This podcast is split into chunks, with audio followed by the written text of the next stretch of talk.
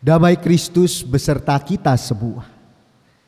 Marilah saat ini kita mempersiapkan hati kita bersama-sama untuk memasuki ibadah Paskah kedua saat ini. Mari saudaraku, kita datang dalam sorak kemenangan sebab Kristus telah menang atas maut. Marilah kita pujikan Kristus bangkit soraklah.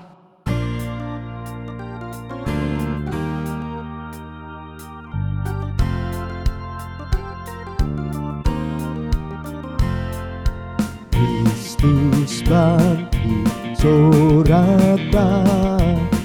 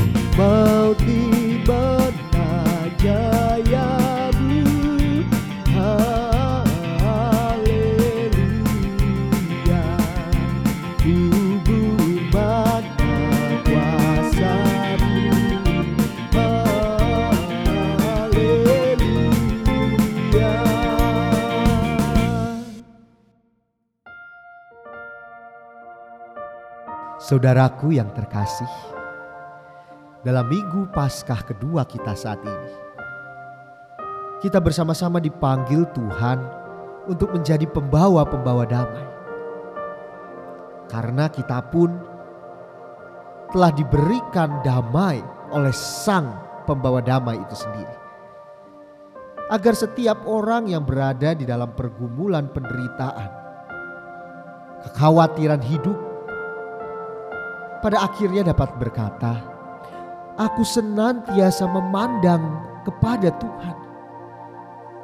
Karena ia berdiri di sebelah kananku, aku tidak goyah. Sebab itu hatiku bersuka cita dan jiwaku bersorak-sorak. Bahkan tubuhku akan diam dengan tentram. Sebab engkau memberitahukan kepadaku jalan kehidupan. Engkau akan melimpahi aku dengan sukacita di hadapan.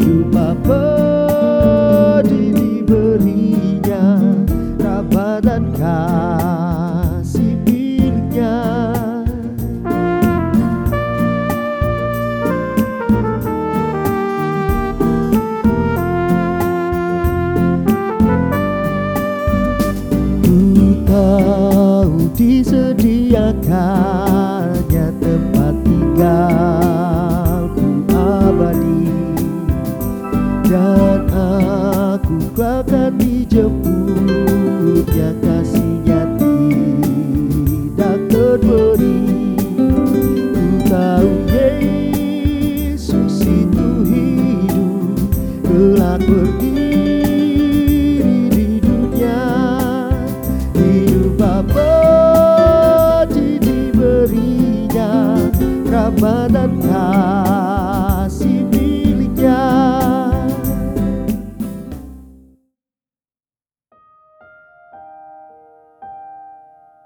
Umat Tuhan yang terkasih Marilah saat ini kita menaikkan doa pengakuan dosa kita secara pribadi lepas pribadi. Mari kita berdoa.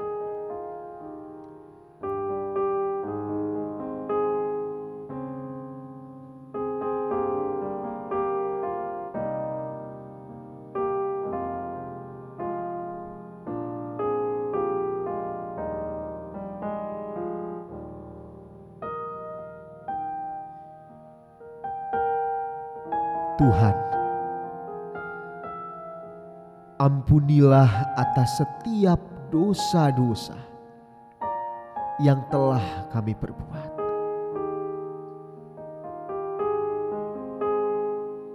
Ampuni kami Tuhan. Di dalam nama Tuhan Yesus Kristus yang sudah mau mati dan bangkit bagi kami. Kami berdoa.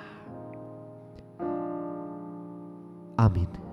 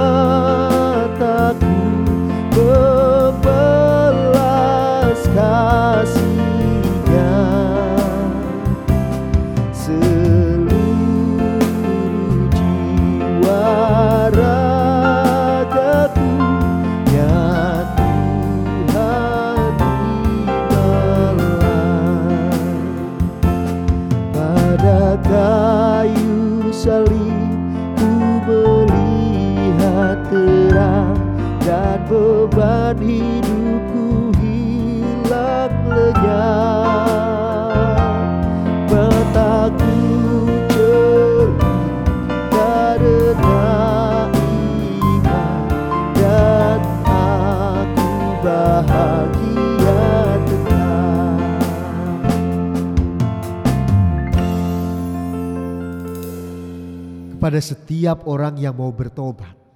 Berita anugerah dari Tuhan. Tetapi kamulah bangsa yang terpilih, imamat yang rajani, bangsa yang kudus, umat kepunyaan Allah sendiri. Supaya kamu memberitakan perbuatan-perbuatan yang besar dari dia. Yang telah memanggil kamu keluar dari kegelapan kepada terangnya yang ajaib. 1 Petrus pasalnya yang kedua ayat yang ke-9. Demikianlah berita anugerah dari Tuhan.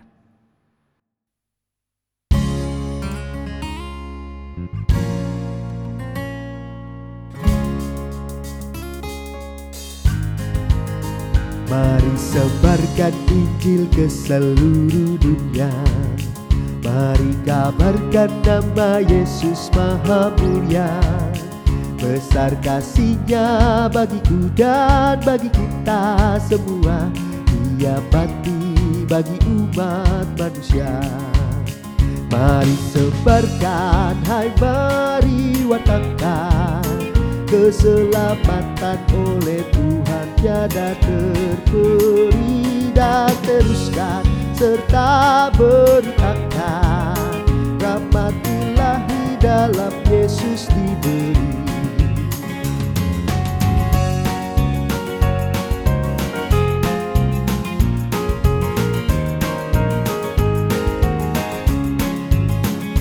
Bukalah hatimu mari terima dia.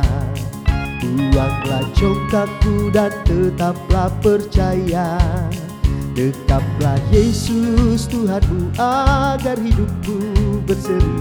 Salam puji bagi Tuhan diberi. Mari sebarkan, hai mari wartakan Keselamatan oleh Tuhan. Tiada terperi Dan teruskan tetap beritakan Rahmat ilahi dalam Yesus diberi.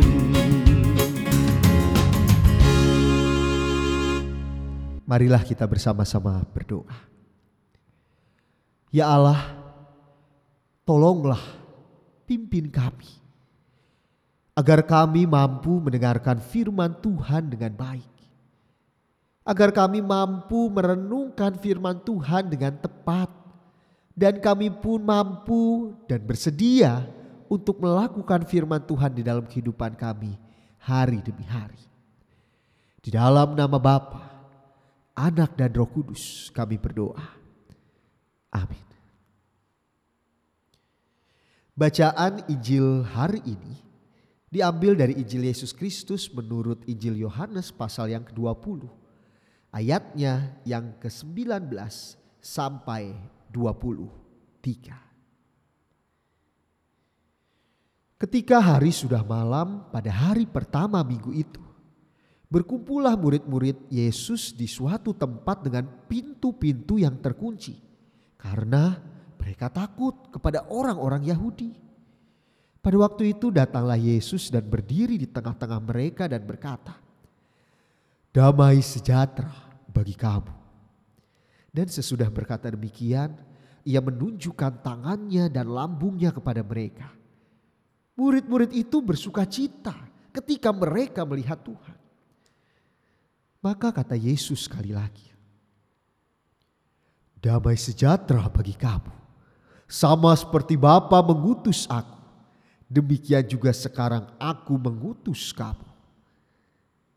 Dan sesudah berkata demikian ia menghembusi mereka dan berkata, Terimalah roh kudus.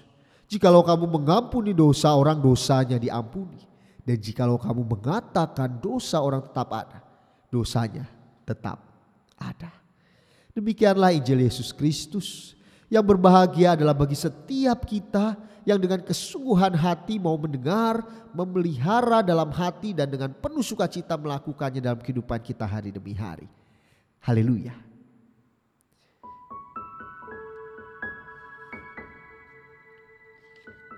Pembawa damai menjadi tema yang mau kita renungkan bersama pada Minggu Paskah yang kedua kita saat ini.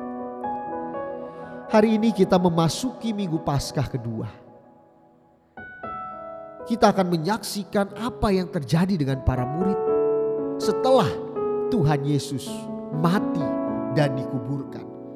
Dan ada sedikit kisah bahwa Yesus telah bangkit.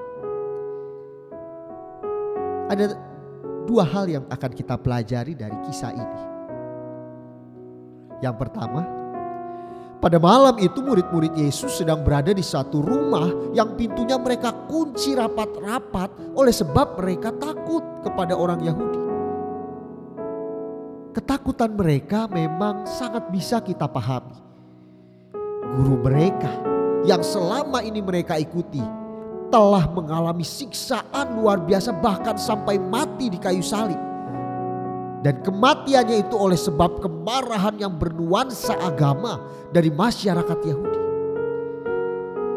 Kemarahan seperti ini tidak mudah berhenti. Kemarahan ini tidak akan padam dengan matinya tokoh atau pemimpin yang dianggap berbahaya, sesat. Tetapi kemarahan ini akan terus berlanjut dengan memburu dan menindas anggota kelompoknya sampai benar-benar tamat. Para murid Yesus yang menyadari hal ini pun kini dipenuhi dengan ketakutan. Jiwa mereka terancam. Mereka selalu diliputi perasaan yang was-was.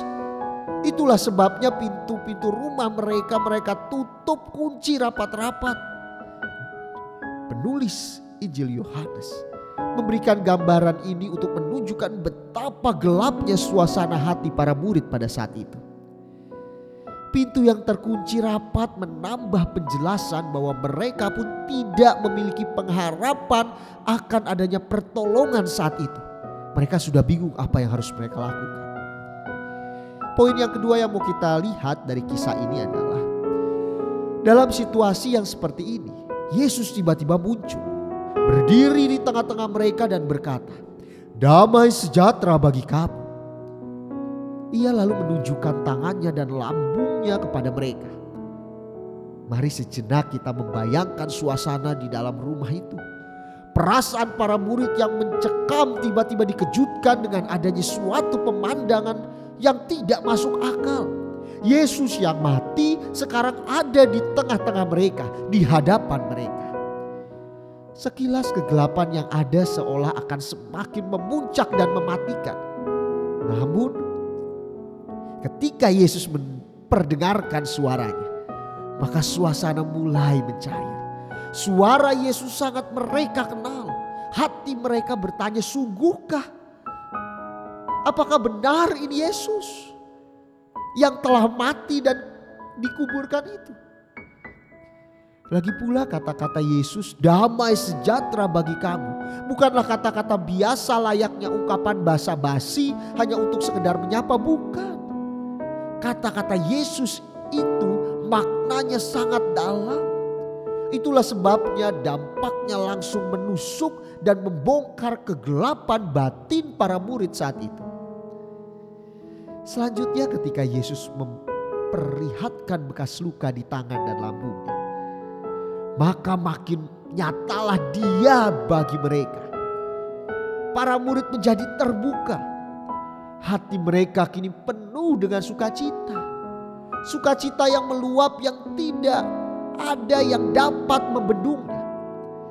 Yesus yang mati kini telah kembali hidup. Benar seperti yang dikatakan Thomas dalam penampilan Yesus nanti di minggu-minggu selanjutnya. Bahwa ia bukanlah manusia biasa tetapi ia adalah Allah.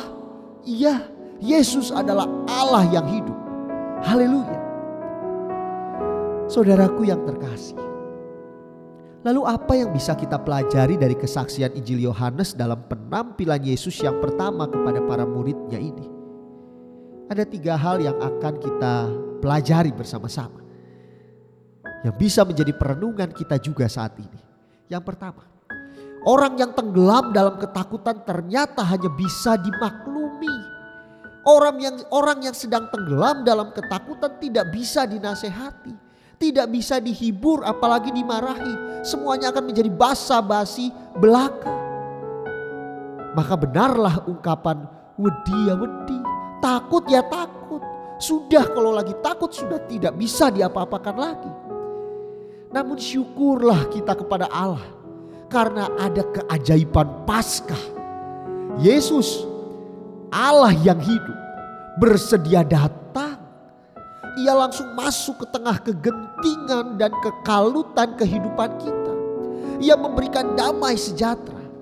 Tidak peduli pintu rapat terkunci seperti apa pun. Kehadiran Yesus, Allah yang hidup, tidak pernah terhalangi oleh apa pun.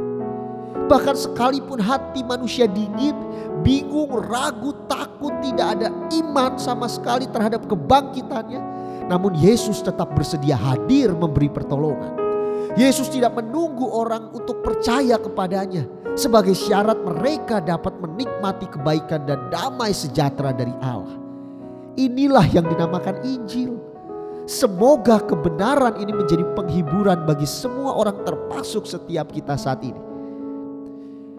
Dan poin yang kedua yang akan bersama-sama kita menjadi perenungan bagi kita. Tuhan Yesus memberikan damai sejahtera. Tuhan Yesus memberikan apa yang paling diperlukan oleh manusia, yaitu rasa tenang, kelegaan, ketentraman, keamanan, kenyamanan, kepuasan, dan lain-lain. Hal itu dilakukan dengan tubuh, darah, dan nyawanya sebagai ganti atau bayar. Ya, melalui pengorbanannya, kini manusia tidak akan mengalami maut Tuhan Yesus sudah mengalaminya ganti kita. Tidak ada lagi penghukuman kekal yang mengancam atau menghantui jiwa kita. Sebaliknya, oleh Dia kini kita menjadi anak-anak Allah Bapa. Inilah yang dinamakan damai sejahtera yang sesungguhnya. Sesuatu suatu suasana batin yang tidak dipengaruhi atau tergantung pada keadaan lingkungan atau bahkan oleh keadaan diri sendiri tidak. Tidak peduli apakah lingkungan sedang baik atau buruk, sedang heboh penuh kegembiraan atau kemurungan oleh karena wabah virus corona ini. Juga tidak peduli apakah diri kita sedang sehat atau sakit, sedang berlimpah uang atau sedang kantong kosong. Namun damai sejahtera dari Tuhan Yesus itu melampaui semuanya. Itulah damai sejahtera yang menghidupkan, yang diberikan sebagaimana janji Tuhan Damai sejahtera ku kuberikan bagimu dan apa yang kuberikan tidak seperti yang diberikan oleh dunia kepadamu. Damai sejahtera Yesus telah menyatukan manusia dengan Allah sang penciptanya. Bagian yang ketiga yang mau kita bersama-sama renungkan. Berita damai sejahtera dari Tuhan Yesus itu mesti segera diberitakan kepada dunia Bukan hanya kepada kita saja yang kita menerima kemudian kita diam tidak. Yesus berkata kepada murid-muridnya damai sejahtera bagi kamu. Sama seperti Bapa mengutus aku demikian juga sekarang aku mengutus kamu. Rupanya tidak ada waktu banyak untuk males-malesan kangen-kangenan.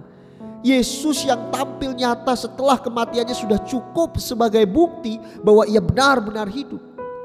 Hal itu juga sudah cukup untuk membawa pada kesimpulan bahwa semua yang diucapkan atau diajarkannya baik tentang dirinya, tentang sorga, tentang Bapa maupun tentang manusia, dunia, dosa, iblis, semuanya benar adanya.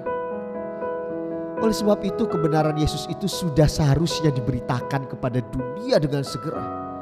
Lagi pula roh kudus diberikan Yesus kepada setiap kita agar kita dipimpin, agar kita dimampukan untuk melaksanakan tugas-tugas ini.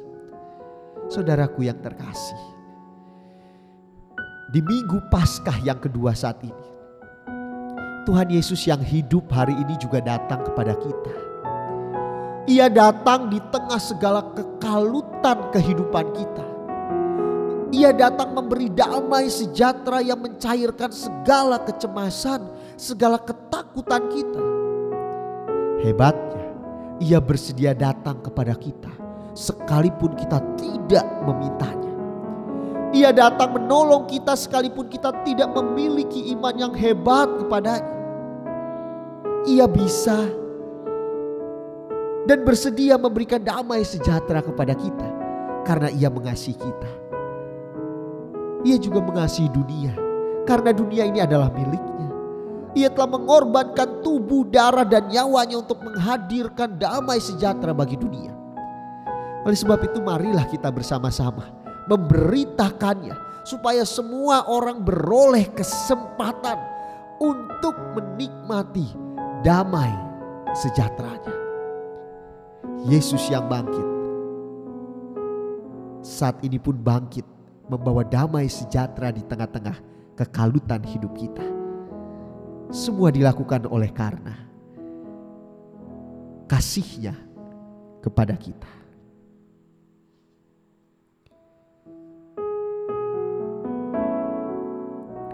Mengapa Yesus mati bagi saya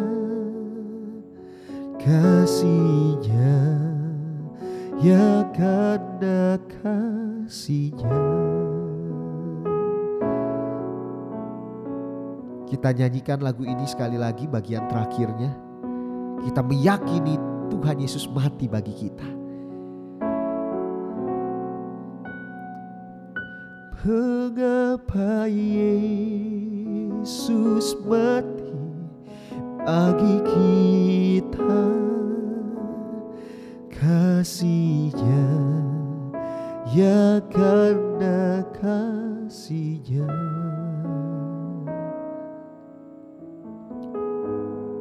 Marilah kita mengambil saat hening kita masing-masing Kita yakini dan percayai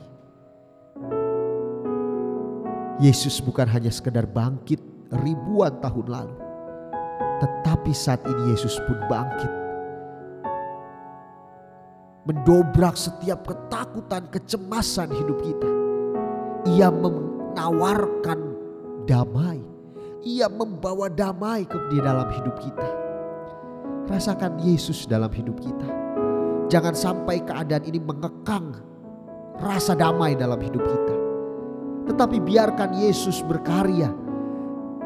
Damai yang Yesus bawa sungguh-sungguh memenuhi kehidupan kita. Sehingga kita pun tidak takut menjalani hari-hari kita. Dan bawalah damai kepada sesama kita. Amin.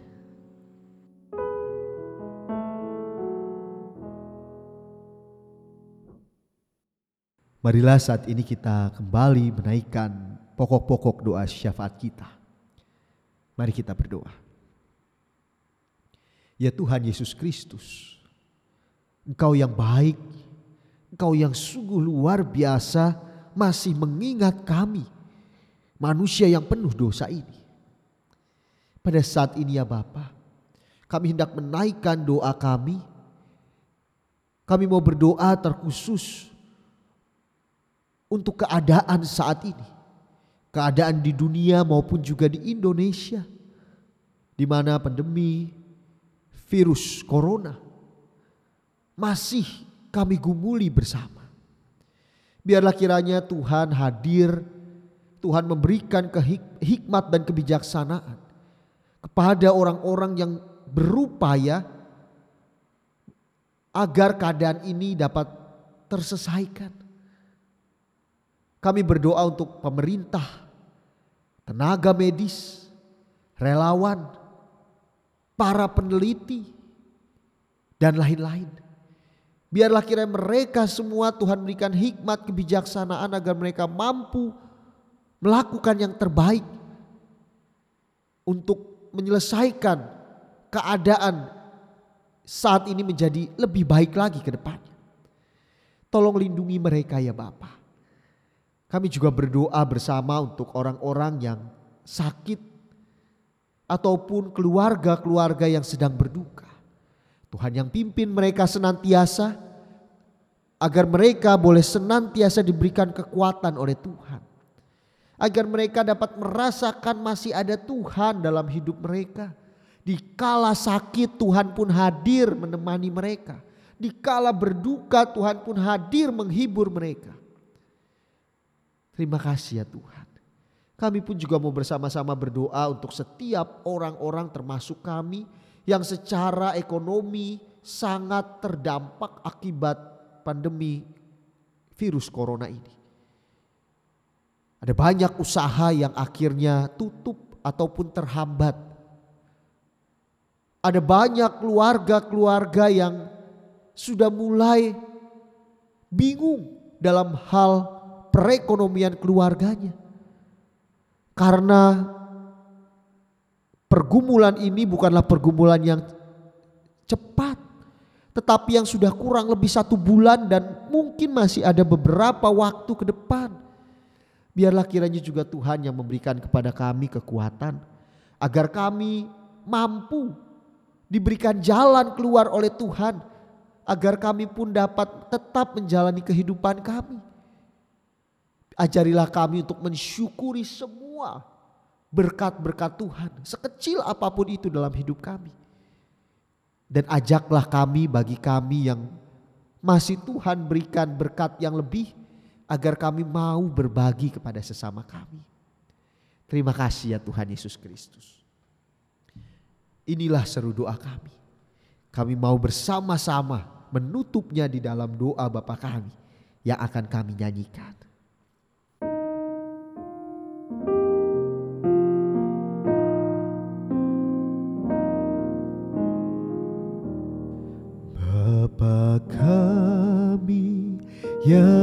Ada di surga.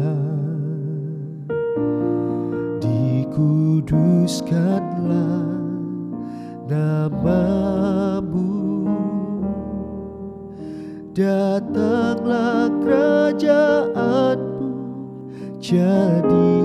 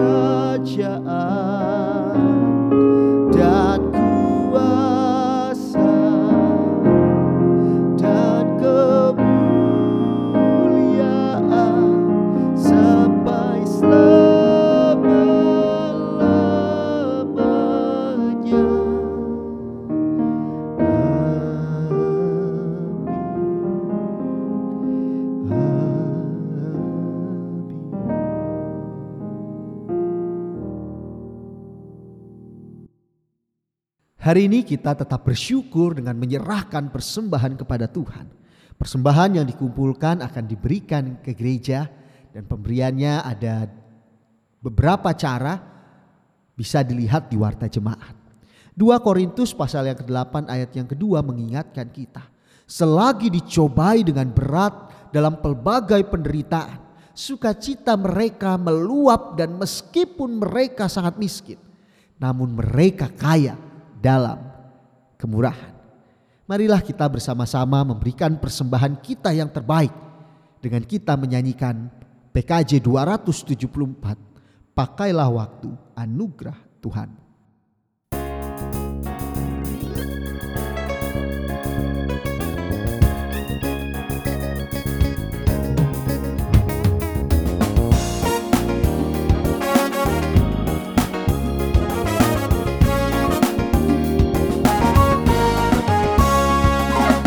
Pakailah waktu anugerah Tuhan. Hidupku singkat bagaikan kembang. Mana benda yang kekal di hidupmu Hanyalah kasih tak akan lekang Tiada yang bakal di dalam dunia. Segala yang indah pun akan lenyap. Namun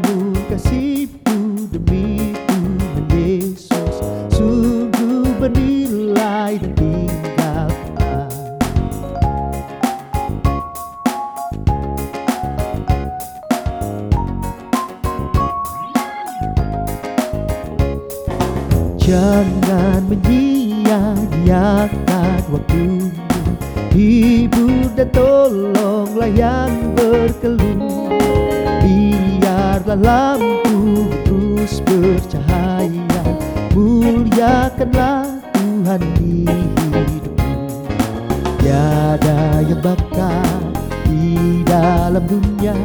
Segala yang indah pun akan lenyap. Namun kasihmu Tuhan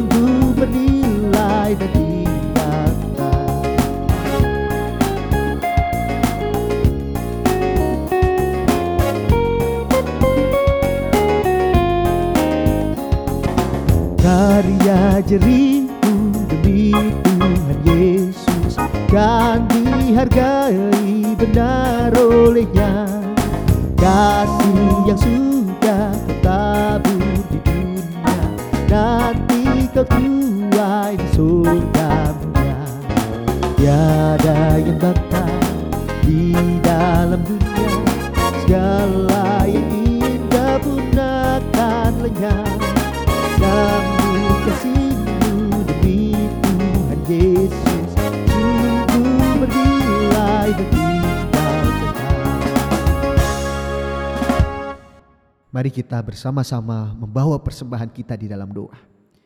Terima kasih ya Tuhan, di tengah keadaan yang seperti ini, kami masih diberi kesempatan untuk menikmati berkat Tuhan. Kami masih diberi kesempatan untuk memberikan persembahan kami sebagai tanda syukur kami atas penyertaan Tuhan dalam hidup kami. Biarlah kiranya persembahan yang kami berikan ini boleh sungguh-sungguh dengan ketulusan hati kami. Dan kami mau mendoakannya, biarlah kiranya persembahan ini boleh dipakai dengan baik oleh majelis jemaat yang mengelolanya. Terima kasih ya Tuhan Yesus Kristus. Di dalam nama Tuhan Yesus Kristus kami berdoa. Amin. Saudaraku yang terkasih, marilah kita menjalani hidup dengan merasakan sang pembawa damai ada di tengah-tengah kita. Dan biarlah kita pun siap dipakai olehnya untuk menjadi pembawa-pembawa damai bagi dunia. NKB 104, apinya berkobar dalam hatiku.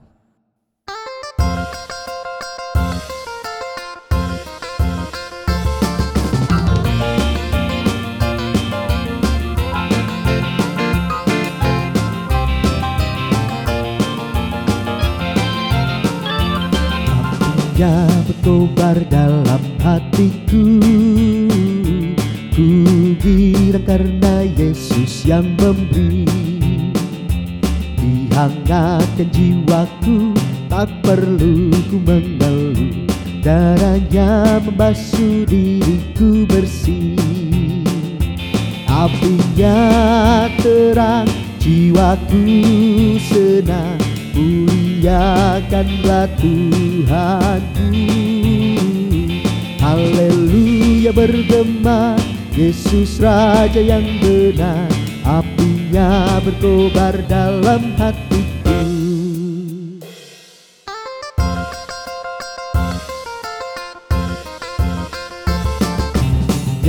Berkobar dalam hatiku Gembira hatiku selamanya. Ku bersaksi berseru Yesus juru selamatku Karena ku berpegang pada janjinya.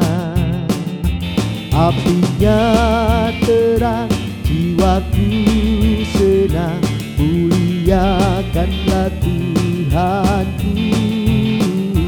Haleluya bergema Yesus Raja yang benar Apinya berkobar dalam hatiku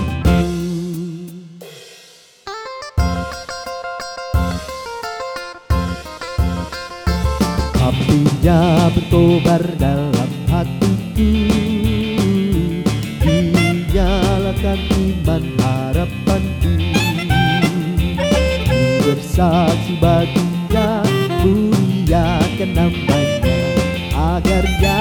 nyata kasih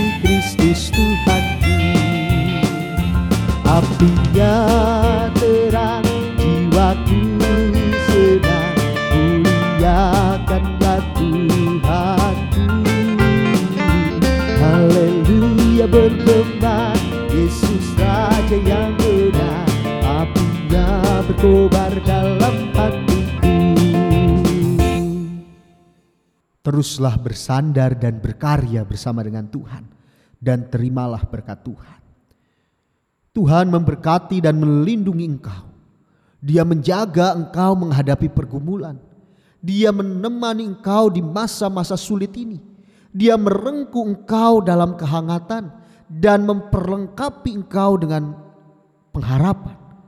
Sampai saat engkau bertemu lagi, kiranya persekutuan kasih Allah Bapa, Anak dan Roh Kudus senantiasa menyertai engkau kini dan selamanya. Amin.